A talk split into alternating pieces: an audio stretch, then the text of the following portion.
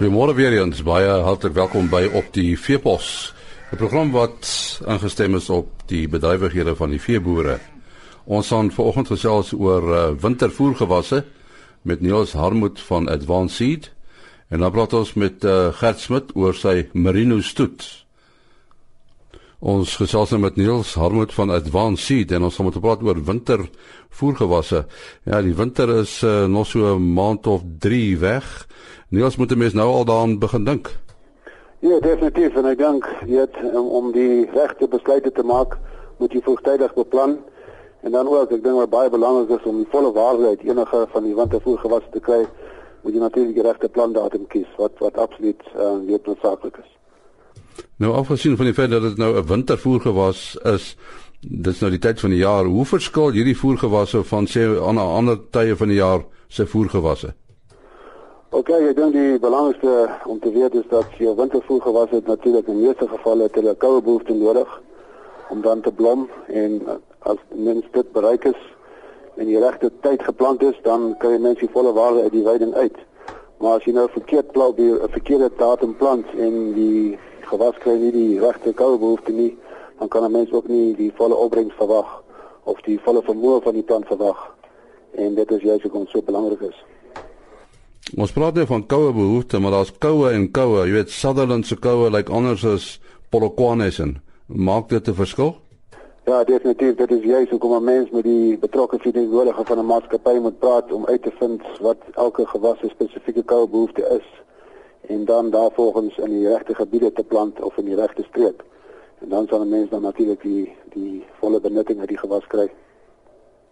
Ja, jy sê nou uh die die gewasse het 'n koue behoefte, maar die gewas self, uh, watter eienskappe het hy anders as net die koue behoefte wat hy soek? Wel, as enige gewas het het uh enige eienskappe wat eie is aan homself afhangende van wie die teeler van die gewas is of waar die gewas geproduseer is, indien dit hier is of indien dit ingevoer word. En met se mens weet wat die eienskappe is, dan kan die boer daarvolgens die regte keuse maak en die regte besluit maak om om weet die volle benutting uit die uit die gewas te kry. Kan jy miskien gesels oor die verskillende soorte wintervoergewasse? Ek dink die seker van die belangrikste is maar haver wat wyd aangeplant word in die Republiek. Weens daar's heel kom verskillende tipes. Elke net 'n verskillende koubehoefte en plantdatum soos ek voorheen gesê het is belangrik. En die inligting met elke gewas afhangende van die maatskappy sal mense dan natuurlik by die betrokke firma gekry. Dan is dit natuurlik rog wat ook 'n opsie is rogse koue behoeftes normaalweg hoër as as as ehm um, haver en in daai geval kan 'n mens weer uitvind vir watter gebiede dit dan mees geskik is en sodoende ook dan die regte plantdatum kies. Anders is rog is daar natuurlik ook lang swengras. Daar's ook kropaargras wat almal koelseisoengras is wat dan normaalweg in mengsels geplant word met dinge soos raaigras wat ook 'n 'n koelseisoengewas is en die word baie normaalweg aangewend deur jou ehm um, melkbore. Uh, is daar nou 'n verskil tussen hierdie uh verskillende gewasse wat uh die tydperk betref tot hulle volwasse stadium bereik? Nee, definitief. Elke gewas sal op 'n verskillende stadium ehm um, volwasse uh die volwasse stadium bereik. Jy het nou 'n paar name van gewasse genoem. Is daar uh, nuwe ontwikkelings, nuwe gewasse wat op die mark kom? Ek dink daar is heeltyd ontwikkelinge wat plaasvind en nuwe weet ehm um, tendense wat wat aan aan die aan die kom is. En baie van die goed word natuurlik ingevoer van van ehm um, ander dele van die wêreld af. Veral raaigasse wat uit Nieu-Seeland kom waar ek 'n groot vordering gemaak word as plaaslik en dis juis hierdie inligting wat deur maatskappye dan aan boere beskikbaar gestel word omdat hulle ehm um, die gewasse natuurlik invoer en dan aan boere plaaslik hier verkoop. Nie as jou telefoonnommer as uh, ouens vra het. Dis 082 335 9921. Dit was uh, Niels Harmut van Advanced Seed. En nou veilingnuus. Die konsortium Marine Groep hou 3 op 1 veilings en dit vind plaas op Dinsdag 24 Februarie. Dit is die 5de gesamentlike veiling by Gedotsfontein in Steensburg. 60 ramme en 950 oeye word verkoop. Op Woensdag 25 Februarie is dit die 9de gesamentlike veiling by Marlow Klubhuis waar 65 ramme onder die hamer gaan kom. En dan laasens Donderdag 26 Februarie Die 5de Suid-Vrystaat veiling by Donkerpoort naby Gariepdam, 60 ramme en 1400 ooe word verkoop op die veiling. BKB bied op Dinsdag 24 Februarie 'n veiling namens twee koppen Doenie stoet aan. 50 AA en A ramme as ook 400 dragtige ooe gaan verkoop word by goed vereers in die omgewing van De Wetstorp. BKB gaan op dieselfde dag, Dinsdag 24 Februarie, 'n draai maak in Graafrenet by Grassdale waar Norman die Doenie Merino stoet veiling hou van 60 AA en A ramme. BKB Louet bied 'n produksieveiling aan in opdrag van MJ Willemse op Dinsdag 24 Februarie by Matilda in die Memel distrik. 1030 Merinos kom op die dag onder die hamer. 1000 hiervan is dragtige ooe en 30 geregistreerde ramme. 420 Drakensbergers word ook te koop aangebied wat bestaan uit 50 koeie met kalvers, 50 dragtige koeie en 270 dragtige verse. Op die 25ste Februarie, die Woensdag, bied BKB 'n merino veiling aan by Fairwood Cookhouse. 70 geneties fynwol ramme en 500 geskandeerde fynwol ooe word verkoop op die dag. Nog 'n veiling word op Woensdag 25 Februarie gehou. Dit is die OZ Doenie Merino stoet se 23ste produksieveiling wat aangebied word deur BKB Louet namens Awie Viljoen en seuns op hulle plaas Rooi Rand. As jy in die omgewing van Vrede is, gaan maak ook 'n draai. Die kudde wat onder die hamer kom is 810 Doenie Merinos wat bestaan uit 60 geregistreerde ramme, 350 dragtige ooe, 100 ooe en 300 jong ooetjies. GWK bied die 19de produksieveiling van die Milieboere groep aan op Donderdag 26 Februarie by Hopefield Viljoenskroon. Die volgende bonsmaras word aangebied op die veiling.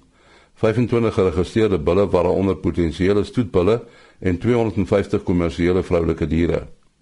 Ook op Donderdag 26 Februarie hou BKB veiling by Adelaide Proefplaas in opdrag van Small Deal Fynwol Merinos.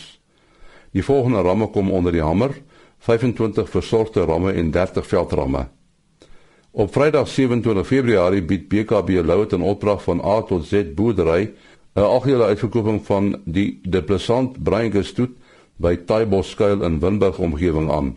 Op die veiling is 664 geregistreerde en kommersiële Breingusbeeste beskikbaar, waarvan 608 rooi Breingusbeeste is en 56 swart Breingusbeeste. Biga bied namens Baviaanskrans Merinos ook 'n veiling aan op die 27ste Februarie. Die veiling sal plaasvind by Cookhouse waar 50 merino ramme, 30 dorme ramme en 400 merino ooe onder die hamer kom. Vleis Sentraal Bosveld hanteer die 9de produksieveiling van Vlakte Bonsmara Studiegroep namens verskeie verkopers. Die veiling vind ook op Vrydag 27 Februarie by Rutan plaas. Daar word op die dag 20 SP bulle, 150 koeie met kalvers wat tans by hulle loop 130 dragtige koeie, 70 dragtige verse en 40 oopverse aangebied. Op Saterdag 28 Februarie het die El Nies Arabier perdstoet 'n veiling op die plaas Mooirus. En as mense in die Louna omgewing is en op soek is na uitnemende uithou ritperde en teelmerries, sal 'n mens dit op die veiling kry. Die veiling sal hanteer word deur Andre Kok en seun. Tot sover veilingnuus. Nou gesels ons met uh, Gert Smit. Hy is van Wesselskop Marinos. Uh waar naby is Wesselskop uh, Gert? Uh, Wesselskop is naby Vrede in die Oos-Vrystaat. Hoe lank boer jy al met die Marinos? En ek boer al so 18 jaar met met Marinos. Het jy op die plaas groot geword? Nee, ek het ek het 18 jaar terug het ek die Marino kudde as 'n kommersiële kudde wat my skoonpa oorgeneem en uh dit as 'n kommersiële kudde bedryf vir 10 jaar en nou is ek van 'n uh, 'n stoetkudde vir 8 jaar. En hoe groot is jou kudde? My my uh totale kudde bestaan uit uh, uit 1200 ooe. Hoe gebruik jy jou veldramme?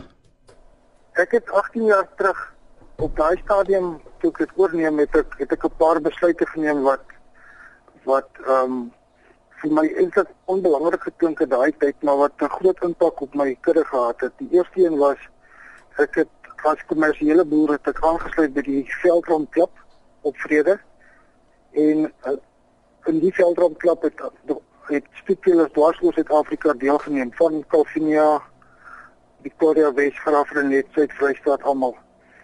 En deur daar deel te neem het ek onmiddellik toegang gehad tot al daai ouens se data en se se prestasie van hulle ramme. So ek kon 'n besluit daai tyd neem om watter ramme om te gebruik, watter ramme presteer die beste in ons area.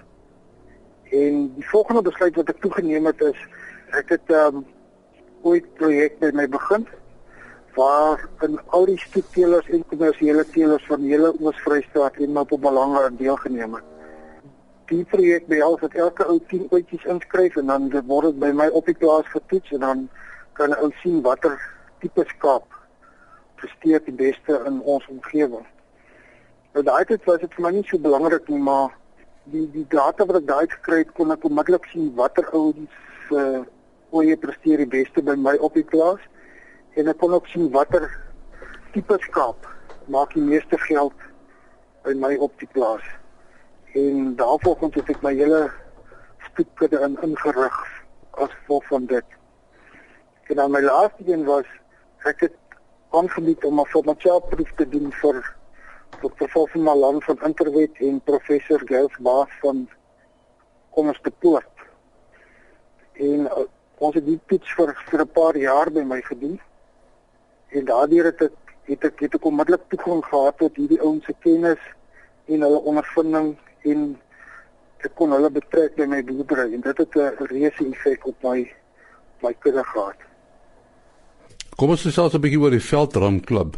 Uh, uh, wat gebeur presies by die klubs? Wat gebeur is stoetteelers skryf skryf van dwars oor die land in ramme daar by ons in. Die ramme word dan getoets onder veldtoestande op op op op die hoofveld. Die suur is redelike suurveld by ons.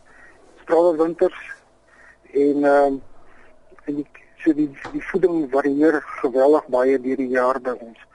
En dan die toet uh, die veldramptoets word weet hulle al die ekonomiese belangrike eienskappe. Plus dan die aanpasbaarheid by ons op die hoofveld. En ehm um, die aanpasbaarheid uh, kan ou vergelyk met 'n loskakel van 'n rugby span byvoorbeeld. Vir die game skop hy al die al die balle van enige plek op die veld af oor die palle. Maar as hy na 40 minute se stampe en stote van 'n wedstryd is daar sekere ouens wat nog steeds almal oorskop en sekere loskakels kry nie eers 30% van hulle balle oorgeskop nie. En dit is waarvoor ons lekteer dan is daai ram wat presteer onder al daai moeilike toestande alhoewel hy uh, nog steeds sy ekonomiese eienskappe moet behou maar hy moet ook kan presteer onder al daai moeilike omstandighede. Hou jy veilings? Nee, ek hou ek hou nie veiling nie. Ek ek neem aan drie veldklubs deel. Ehm um, dis die uh, Hoofveld veldklub op Ermelo en dan is daar een op Amersfoort en die derde een is op Vrede die Oos-Vrystaat Veldrim klub. En dit is vir jou voordelig. Ja, dit is my voordelig soos ek sê, ehm um, die groot voordeel van die Veldrim klub is jy toets jouself teenoor die beste ouens in die omgewing. So met die gevolg dat as jy ram daar presteer, presteer hy nie net op jou by die plaas teenoor jou eie eie ram nie, maar hy presteer teenoor teenoor al die ouens se ramme in die hele omgewing. So as 'n ram daar uitkom en hy's uh, uh, soos daai een ram vir my wat eerste gestaan het, dan beteken dit hy het al die ander ouens se ramme uitgestof in die, in die toets.